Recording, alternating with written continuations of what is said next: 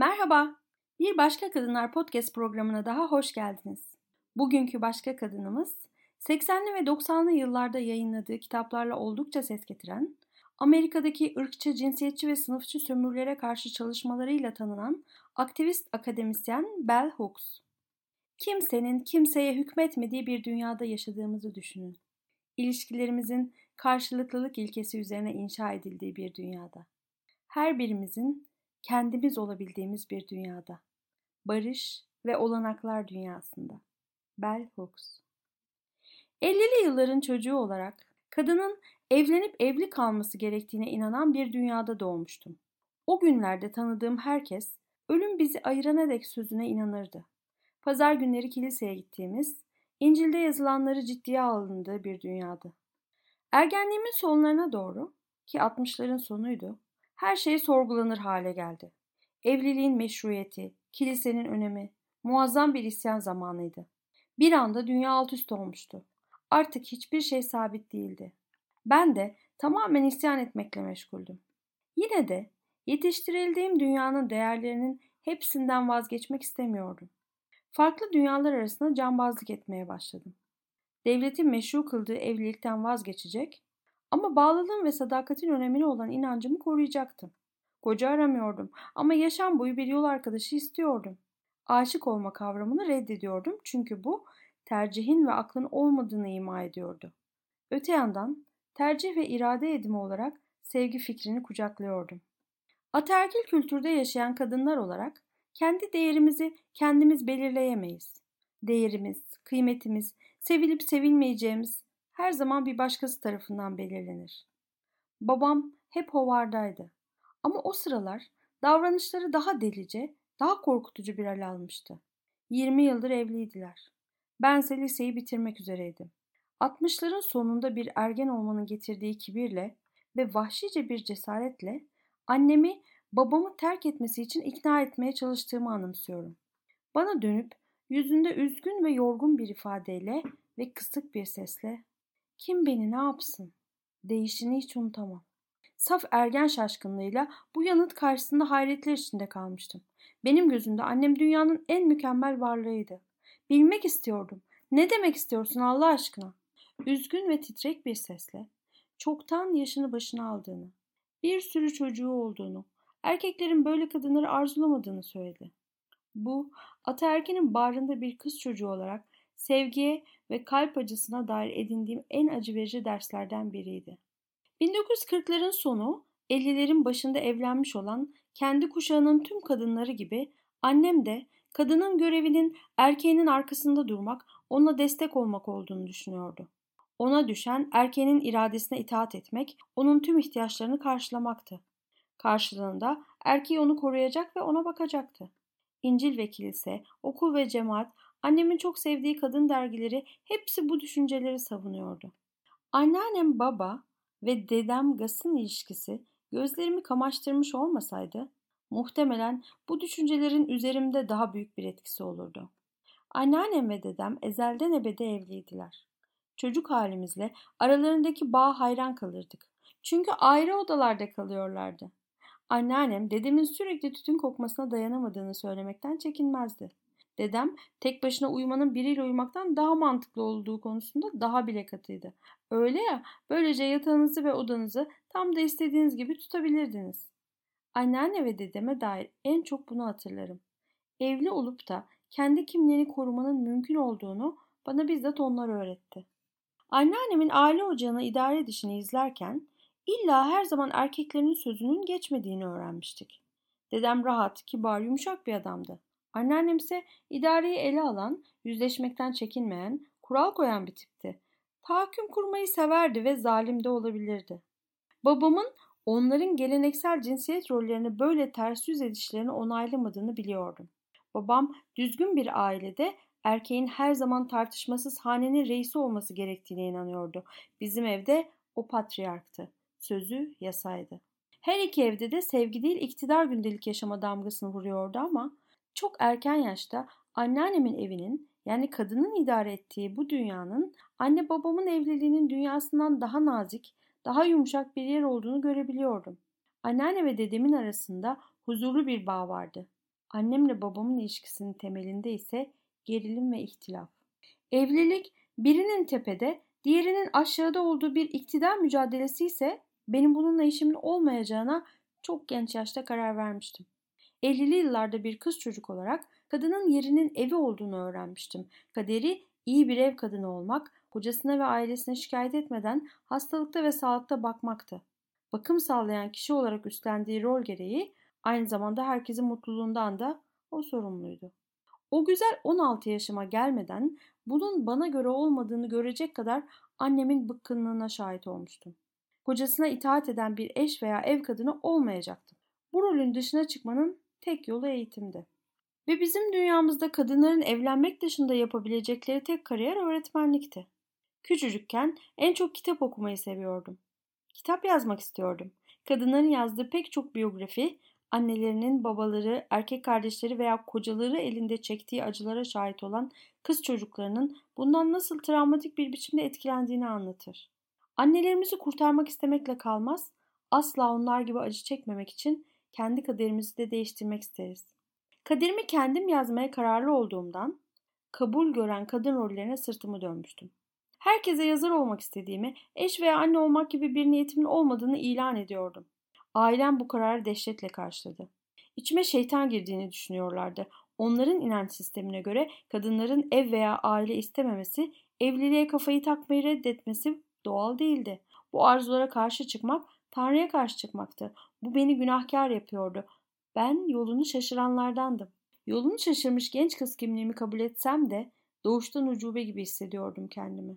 Elimde değildi. Canım Oscar Brewer'la el ele tutuşmaktan çok şöyle güzel bir kitap okumayı çekiyordu. Canımı yaksa da kaderime razı oldum. Anne babam dini nedenlerle beni kitaplardan uzaklaştırmaya çalıştılar. Beni aşağıladılar, cezalandırdılar. Bu kitaplar beni mahvediyordu. Aklıma türlü türlü fikirler sokuyor, ağzıma laflar dolduruyordu. Bütün bunlar bir kadının iyi bir ev kadını olma kabiliyetini mahveden şeylerdi. Babam yanımızdayken annem de bu görüşleri onaylardı. Ama babam işteyken beni okumaya teşvik ederdi. Kendi okul yıllarından, yazar olma arzusundan söz ederdi. Karakterindeki bu bölünme özel hayatında ataerkiye karşı tek isyan alanıydı.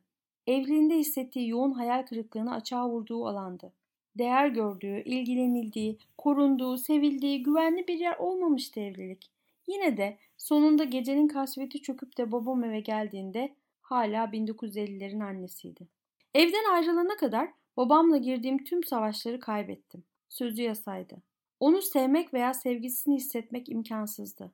Sevgi değil korku uyandıran bir patriark.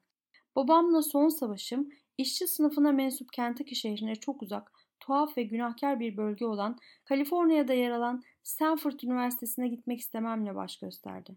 Üniversiteye dair sohbetlere dahil olmayıp sessiz kalan babam gidemeyeceğime karar verdi. Kaliforniya çok uzaktı, üniversiteye dair tek bir kelime etmedi. Sözü yasa olduğundan kararı kesindi, annem onun elçisiydi. Önce bu hükmü kabul ettim. Öfkeden gözyaşlarına boğulup kabul belgesini çöpe attım. Sonra içimde bir şeyler ayaklandı. Babamın iradesine meydan okudum. İsyankar bir biçimde Stanford'a gideceğimi ilan ettim. Babamın bu kararım hakkında ne düşündüğünü hiç öğrenemedim. Annem ve onun nesli iyi eşler ve anneler olma arzusuyla kendine mahsus bir biçimde kendini ifade etme arzusu arasında bölünmüşlerdi. Bense iç benliğimin buyurduklarını takip etme arzusu ve bu benliğe güvenmeme arasında bölünmüştüm. Yaratma arzumla, dünyayı ve kendimi tanıma arzumla temas halinde olabilmek için ödemem gereken ufak bir bedel gibi görünen bir tercih yaparak isyankar, çılgın kız karakterini benimsemeyi seçmiş olsam da bu dünyayla yalnız yüzleşmeye hazır değildim. İhtiyacım olan hayatta kalma yetilerine sahip değildim. Yolculuğumuza kılavuzluk edecek kadar haritamız olmadığından acı çeken hikayelerimizi tam manasıyla telaffuz edemeyen bizler Sylvia Plath'in yazılarında teselli buluyorduk. Benim neslim için Plath bir ikondu. Çünkü onun deneyimi, katlandığımız ve boğuştuğumuz çatışmaları ve deneyimlediğimiz çelişkileri temsil ediyordu. Her yönden erkeklerle eşit olmak istiyorduk ve kendimiz olmak istiyorduk. Bu iki yolculuğun bizi aynı yere götürüp götürmeyeceğinden emin değildik. Gerçek yaşamda tutkulu bir öğretmen olan Olson, bizi yani genç feminist düşünürleri yeşermeye, cüret etmeye, bir şeyleri riske almaya teşvik ediyordu. Kadınlarla erkekler arasındaki ilişkinin ciddi olarak bir tek o derslerde tartışıldığını gördüm. Ataerkil düşüncenin erkeklerle ilişkilerimize etkisini anlamanın yollarını öğrendik. Kitle medyasının ısrarla erkeklerden nefret etmeyi öğrendiğimizi iddia etmesine rağmen aslında erkek kimliğinin ve erkeklerin kendilerini gerçekleştirmesinin nasıl da ataerkil toplumsallaşma tarafından gasp edildiğini anlama yollarını öğreniyorduk. Kadınlar üzerinde tahakküm kuran erkekler bunu sırf özgür iradeleriyle davrandıklarından yapmıyorlardı. Onlar da kendilerince kendi inşa etmedikleri bir sistemin failleriydi. İlan ettiğimiz sevgi, paylaşma, karşılıklılığa dayalı bir sevgi olacaktı. Sadece kadınlar, bakım sağlayan ve besleyip büyütenler olmayacak, erkekler de üzerine düşeni yapacaktı. Erkekler artık koruyucu ve geçim sağlayıcı rollerin altında ezilmeyecekti. Kadınlar da iş gücüne eşit bir biçimde dahil olacaktı. Öz savunma dersleri alacak ve kendilerini koruyabilecekti. Erkekler öyle tercih etmeleri halinde işsiz ev erkeği rolünü üstlenebilecekti. Erkeklerin değeri artık maaşlarının miktarıyla belirlenmeyecekti. Ortak dersler aldığımız benden 7 yaş büyük bir erkek arkadaşım vardı. Evdeki işlerde payına düşeni istekle yapıyor, iş yaşamında kadınların haklarını savunuyor, eşit işe eşit ücret almamız gerektiğine inanıyordu. Entelektüel gelişimimi destekliyor, bana akıl hocalığı yapıyordu. En yoğun iktidar çatışmalarımız yatak odasında yaşanıyordu. Hala kadınların erkeğin arzusuna hizmet etmesi gerektiğine inanıyordu. Elbette o hizmet kelimesini kullanmaya karşı çıkıyordu. Bunun yerine yanıt verme demeyi tercih ediyordu. Bense hizmet kelimesini kullanmakta ısrar ediyordum. Onun cinsel arzularından sorumlu olmadığımı anlamasını istiyordum. Bedenimin canı istediğinde işgal edebileceği ona ait bir alan olduğunu varsayamazdı. Radikal feminizm bizleri bedenlerimizi kendimiz olarak görmeye, hiç kimsenin onları mülke ya da kendi alanına çevirmesine izin vermemeye teşvik ediyordu. Kendini tamamen gerçekleştirmek, yaratıcılığını keşfetmek ve içsel benliklerini geliştirmek isteyenlerimizin artık kendini ucube olarak görmesine gerek yoktu. Kadınların özgürleşmesi fikrini, sevme ve sevilme hakkımızı içerecek şekilde yeniden tanımlamanın bir yolunu bulmak zorundaydık. Gittiğim her yerde kim olduğumu, ne yaptığımı merak eden insanlara yazar, feminist, teorisyen, kültür eleştirmeni olduğumu söylüyorum gururla. Filmler ve popüler kültür hakkında yazdığımı, aracın içindeki mesajı tahlil ettiğimi anlatıyorum. Birçok kişi bunları heyecan verici buluyor ve daha fazlasını öğrenmek istiyor. Neticede herkes sinemaya gidiyor, televizyon izliyor, dergilere göz atıyor. Herkesin algıladığı mesaja, baktığı görüntülere dair bir takım fikirleri var. Karşılaştığım bunca farklı insanın kültür eleştirmeni olarak yaptıklarımı ve yazı yazma arzumu nereden kaynaklandığını anlaması hiç zor olmuyor. Ne de olsa insanların birçoğu bir şeyler yazmak istiyor ve yazıyor da. Ne var ki sıra feminist teoriye gelince sorular bitiveriyor. Bunun yerine feminizm kötülüğü ve kötü feministler hakkında duymadığım şey kalmıyordu.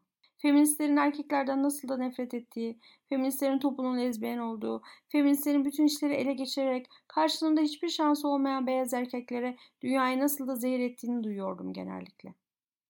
Çoğunun gözünde feminizm, erkekler gibi olmak isteyen bir avuç öfkeli kadın anlamına geliyordu. Ne zaman böyle bir karşılaşma yaşasam, oradan ayrıldığımda keşke elimde küçük bir kitap olsa da Buyurun bu kitabı okuyun. Size feminizmin ne olduğunu, hareketin neyle ilgili olduğunu anlatacaktır diye bilsem diye geçiriyorum aklımdan. Elimde kısa, açık, okuyup anlaması gayet kolay bir kitap olsun istiyorum. Zorlayıcı terimler ya da akademik dilde yazılmış kalın bir şey değil. Açık, anlaşılır bir kitap. Konuyu gereksiz yere basitleştirmeyen ama kolay da okunabilen. Feminist düşüncenin, politikanın ve pratiğin hayatımı değiştirdiği andan beri bu kitabı istiyorum. Davamı politik yaşantımın temelini oluşturan ve sonuna kadar inandığım feminist politikayı daha iyi anlayabilsinler diye bu kitabı sevdiğim insanlara vermek istiyorum. Feminizm nedir sorusuna korkuya ya da fanteziye dayanmayan bir cevapları olsun istiyorum. Feminizm cinsiyetçiliği, cinsiyetçi sömürüyü, baskıyı sona erdirmeye çalışan bir harekettir. Feminist Teori isimli kitabımda yaptığım bu tanımı seviyorum çünkü hareketin erkek karşıtı olmakla alakası olmadığını çok net bir biçimde belirtiyor. Sorunun cinsiyetçilik olduğunu açıkça ortaya koyuyor. İster kadın olalım, ister erkek, hepimiz doğduğumuz andan itibaren toplumsallaşma yoluyla cinsiyetçi düşünce ve eylemi kabul etmeye yönlendiriliyoruz. Bunun bir sonucu olarak kadınlar da erkekler kadar cinsiyetçi olabiliyor. Kurumsallaşmış cinsiyetçiliği adlandırmanın bir diğer yolu olan ataerkiyi sona erdirebilmek için şunu açık bir şekilde ortaya koymamız gerekiyor. Biz hem aklen hem de kalben değişmedikçe, cinsiyetçi düşünce ve eylemin yerine feminist düşünce ve eylemi getirmedikçe cinsiyetçiliği sürdürmüş oluyoruz. Bir grup olarak ataerkinin sefasını en çok sürenler erkeklerin kadınlardan üstün olduğu ve bize hükmetmeleri gerektiği varsayımının faydasını en çok görenler erkekler olmuştur ve bugün de bu böyledir. Fakat bu sefanın bir bedeli ola gelmiştir. Erkekler ataerkinin nimetleri karşılığında kadınlara hükmetmekle, ataerkinin zarar görmemesi için gerekirse şiddet kullanarak bizleri sömürmek ve bastırmakla yükümlüler. Oysa erkeklerin çoğunluğu için ataerkil erkek olmak zordur. Çoğu kadınlar karşısında duyulan nefret ve korkudan, kadınlara uygulanan şiddetten rahatsız olur. Fakat bir yandan da ataerkin nimetlerinden vazgeçmekten korkarlar. Ataerki değişirse avuçların içi gibi bildikleri bu dünya ne hale gelir? Hiçbir fikirleri yoktur. Hem aklen hem de kalben yanlış olduğunu bilseler de erkek tahakkümünü pasif bir şekilde desteklemek işlerine gelir. Erkekler sürekli feministlerin ne istediğini bilmiyoruz diyorlar bana. Onlara inanıyorum. Değişebileceklerine ve olgunlaşabileceklerine de inanıyorum. Üstelik feminizm hakkında ne kadar çok şey öğrenirlerse o kadar korkmayacaklarını da biliyorum. Çünkü feminist hareket erkekler için de ataerkinin köleliğinden kurtuluş umudunu barındırıyor. Ataerkil düşünce bizleri kendisini erkeklerden aşağı gören, ataerkinin gözüne girmek için birbiriyle kıyasıya rekabet eden, kıskançlık, korku ve nefret besleyerek birbirini hor gören kadınlar olarak toplumsallaştırdı. Feminist düşünce ise biz kadınların kendimize duyduğumuz nefreti kafamızdan söküp atmamıza yardımcı oldu. Bilincimizi ataerkil düşüncenin boyundurundan kurtarmamızı sağladı. Biz dostluğumuzu erkeklere karşı oluşturmadık. Kadınlar olarak kendi çıkarlarımızı korumak için oluşturduk. Bugün feminist politikayla yeni tanışanlara dayanışmamızı yaratmak, sürdürmek ve korumak için neler yapılması gerektiğini öğretebilecek durumdayız. Eleştirel bir bilinç geliştirmeyi amaçlayan feminist eğitim sürekli kılınmalıdır. Irk ve sınıflar ötesi bir bağ oluşturma çabamız devam ediyor. Kadınlar birbirlerini tahakküm altına almadan kendilerini gerçekleştirebilir ve başarıya ulaşabilirler. O zaman ve şimdi ihtiyaç duyulan şey kişinin kendine duyduğu saygı ve sevginin kimliğin temelini oluşturduğu bir erkeklik tasavvuru. Tahakküm kültürleri öz saygıya saldırır ve onun yerine varlık hissimizi başkaları üzerindeki tahakkümümüzden aldığımız düşüncesini yerleştirir. Ataerkil erkeklik erkeklere benlik ve kimlik hislerinin varoluş nedenlerinin diğerlerine hükmetme kapasitelerinde olduğunu gösterir. Erkekler bunu değiştirmek için gezegenin, daha güçsüz erkeklerin, kadınların ve çocukların üzerindeki erkek tahakkümünü eleştirmek ve ona meydan okumak zorundadır. Feminist düşünürlerin ailelerin içindeki cinsiyetçilikle uğraşırken karşılaştıkları başlıca zorluklardan biri cinsiyetçi düşüncenin taşıyıcılarının yarısını kadınların oluşturmasıydı. Çocuklara bakan yetişkin bir erkeğin mevcut olmadığı hanelerde bile kadınlar çocuklarına cinsiyetçi düşünceyi öğrettiler ve öğretmeye devam ediyorlar. Çocuklar her gün kadınların ve erkeklerin sözlü ve fiziksel tacizine uğruyorlar. Annelik sadizmi kadınları sıklıkla çocukları duygusal anlamda istismara sürüklüyor. Ve feminist teori çocuklara yönelik yetişkin kadın şiddeti konusunda henüz ne bir feminist eleştiride ne de feminist bir müdahalede bulunmuş değil.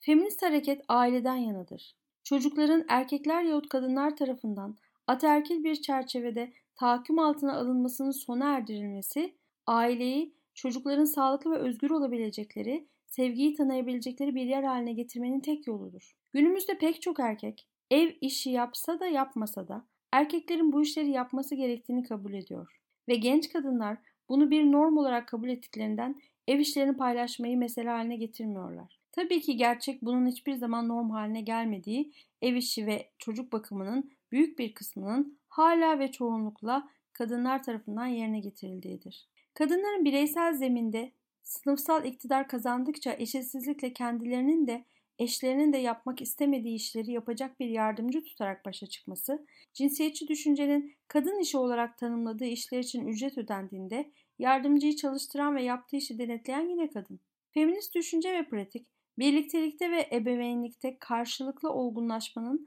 ve kendini gerçekleştirmenin önemini vurgular. Herkesin ihtiyaçlarına saygı duyulan, herkesin haklarının olduğu, kimsenin zulüm ve istismar korkusu yaşamadığı bir ilişki tasavvuru, ataerkinin desteklediği her tür ilişki yapısının aksinedir. Günümüz feminizminin en kuvvetli tarafı şekil ve yön değiştirebilme kabiliyetidir. Vizyoner feminizmin temel hedeflerinden biri tüm kadınların kaderini değiştirip bireysel güçlerini arttırabilecek stratejiler geliştirmekti. Vizyoner feministler erkekleri de hareketin içine çekmek gerektiğini daima anlamışlardı. Dünyadaki tüm kadınlar feminist olsalar da erkekler cinsiyetçiliklerini sürdürdüğü müddetçe yaşamlarımız kısıtlanacak ve toplumsal cinsiyetler arasındaki savaş hali bir norm olmaya devam edecektir. Gezegendeki yaşamın devamı ve güvenliği feminizmin erkekleri harekete çekmesini gerektiriyor. Feminist hareket ataerkinin hem kadınların hem de erkeklerin mutluluğu karşısında nasıl bir tehdit oluşturduğunu herkese göstermekte başarılı olmuştur. Feminist düşünce karşılıklılık ve karşılıklı bağlılık etiğine vurgu yaparak bir yandan tahakkümü sona erdirmenin, diğer yandan da eşitsizliğin yarattığı etkileri değiştirmenin yolunu gösteriyor. Karşılıklılığın norm olduğu bir dünyada herkesin eşit olmadığı durumlar olabilir. Ama bu eşitsizliğin sonuçları asla boyun eğdirme, sömürgeleştirme ve insanlıktan çıkarma olmamalıdır. Feminist hareketin yaşantılarımızla ilişkisini sürekli kılabilmek için vizyoner feminist teori daima yeniden inşa edilmeli, böylelikle yaşadığımız her alanda mevcudiyetimize hitap edebilmelidir. Feminist politikanın amacı her kim isek özgürce o olabilmemiz, adalete sevgi beslediğimiz yaşamlar sürebilmemiz, barış içinde yaşayabilmemiz için tahakkümü sona erdirmektir.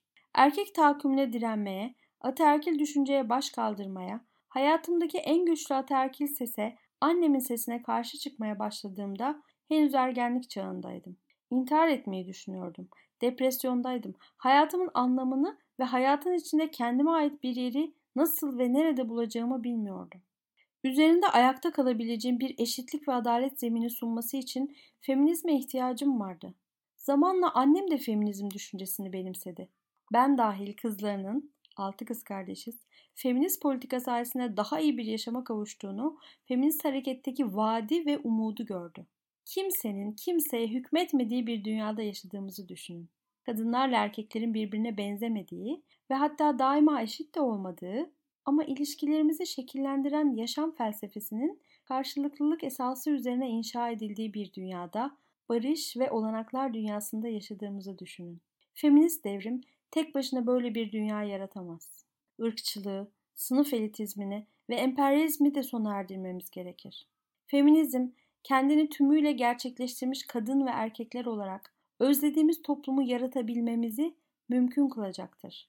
Özgürlük ve adalet hayallerimizi gerçekleştirebileceğimiz, hepimize eşit yaratıldığımız hakikatini hayata geçirebileceğimiz bir toplumda hep beraber yaşayabilmemizi sağlayacaktır. Yaklaşın. Feminizmin yaşamınıza, hepimizin yaşamına nasıl dokunup bu yaşamları nasıl değiştirebileceğini görün. Yaklaşın ve feminist hareketin derdinin ne olduğunu kendi gözlerinizle görün. Yaklaşın. Şunu göreceksiniz. Feminizm herkes içindir. Bir başka kadınlar bölümünün daha sonuna geldik. Bell Hooks'un yıllar önce dile getirdiği bu sözler hala pek çok yerde geçerliğini koruyor. Onun tasavvur ettiği o barış ve olanaklar dünyasını yaşanır kılmak için hadi yaklaşın. Yanlış bilinen tüm o gerçekleri unutun. Yaklaşın ve kendi gözlerinizle görün. Feminizm herkes içindir. Paylaşmak istediğiniz her şey için bize başkakadınlar.gmail.com adresinden ulaşabilirsiniz. Bir başka bölümde görüşmek üzere. Hoşçakalın. Sağlıkla kalın.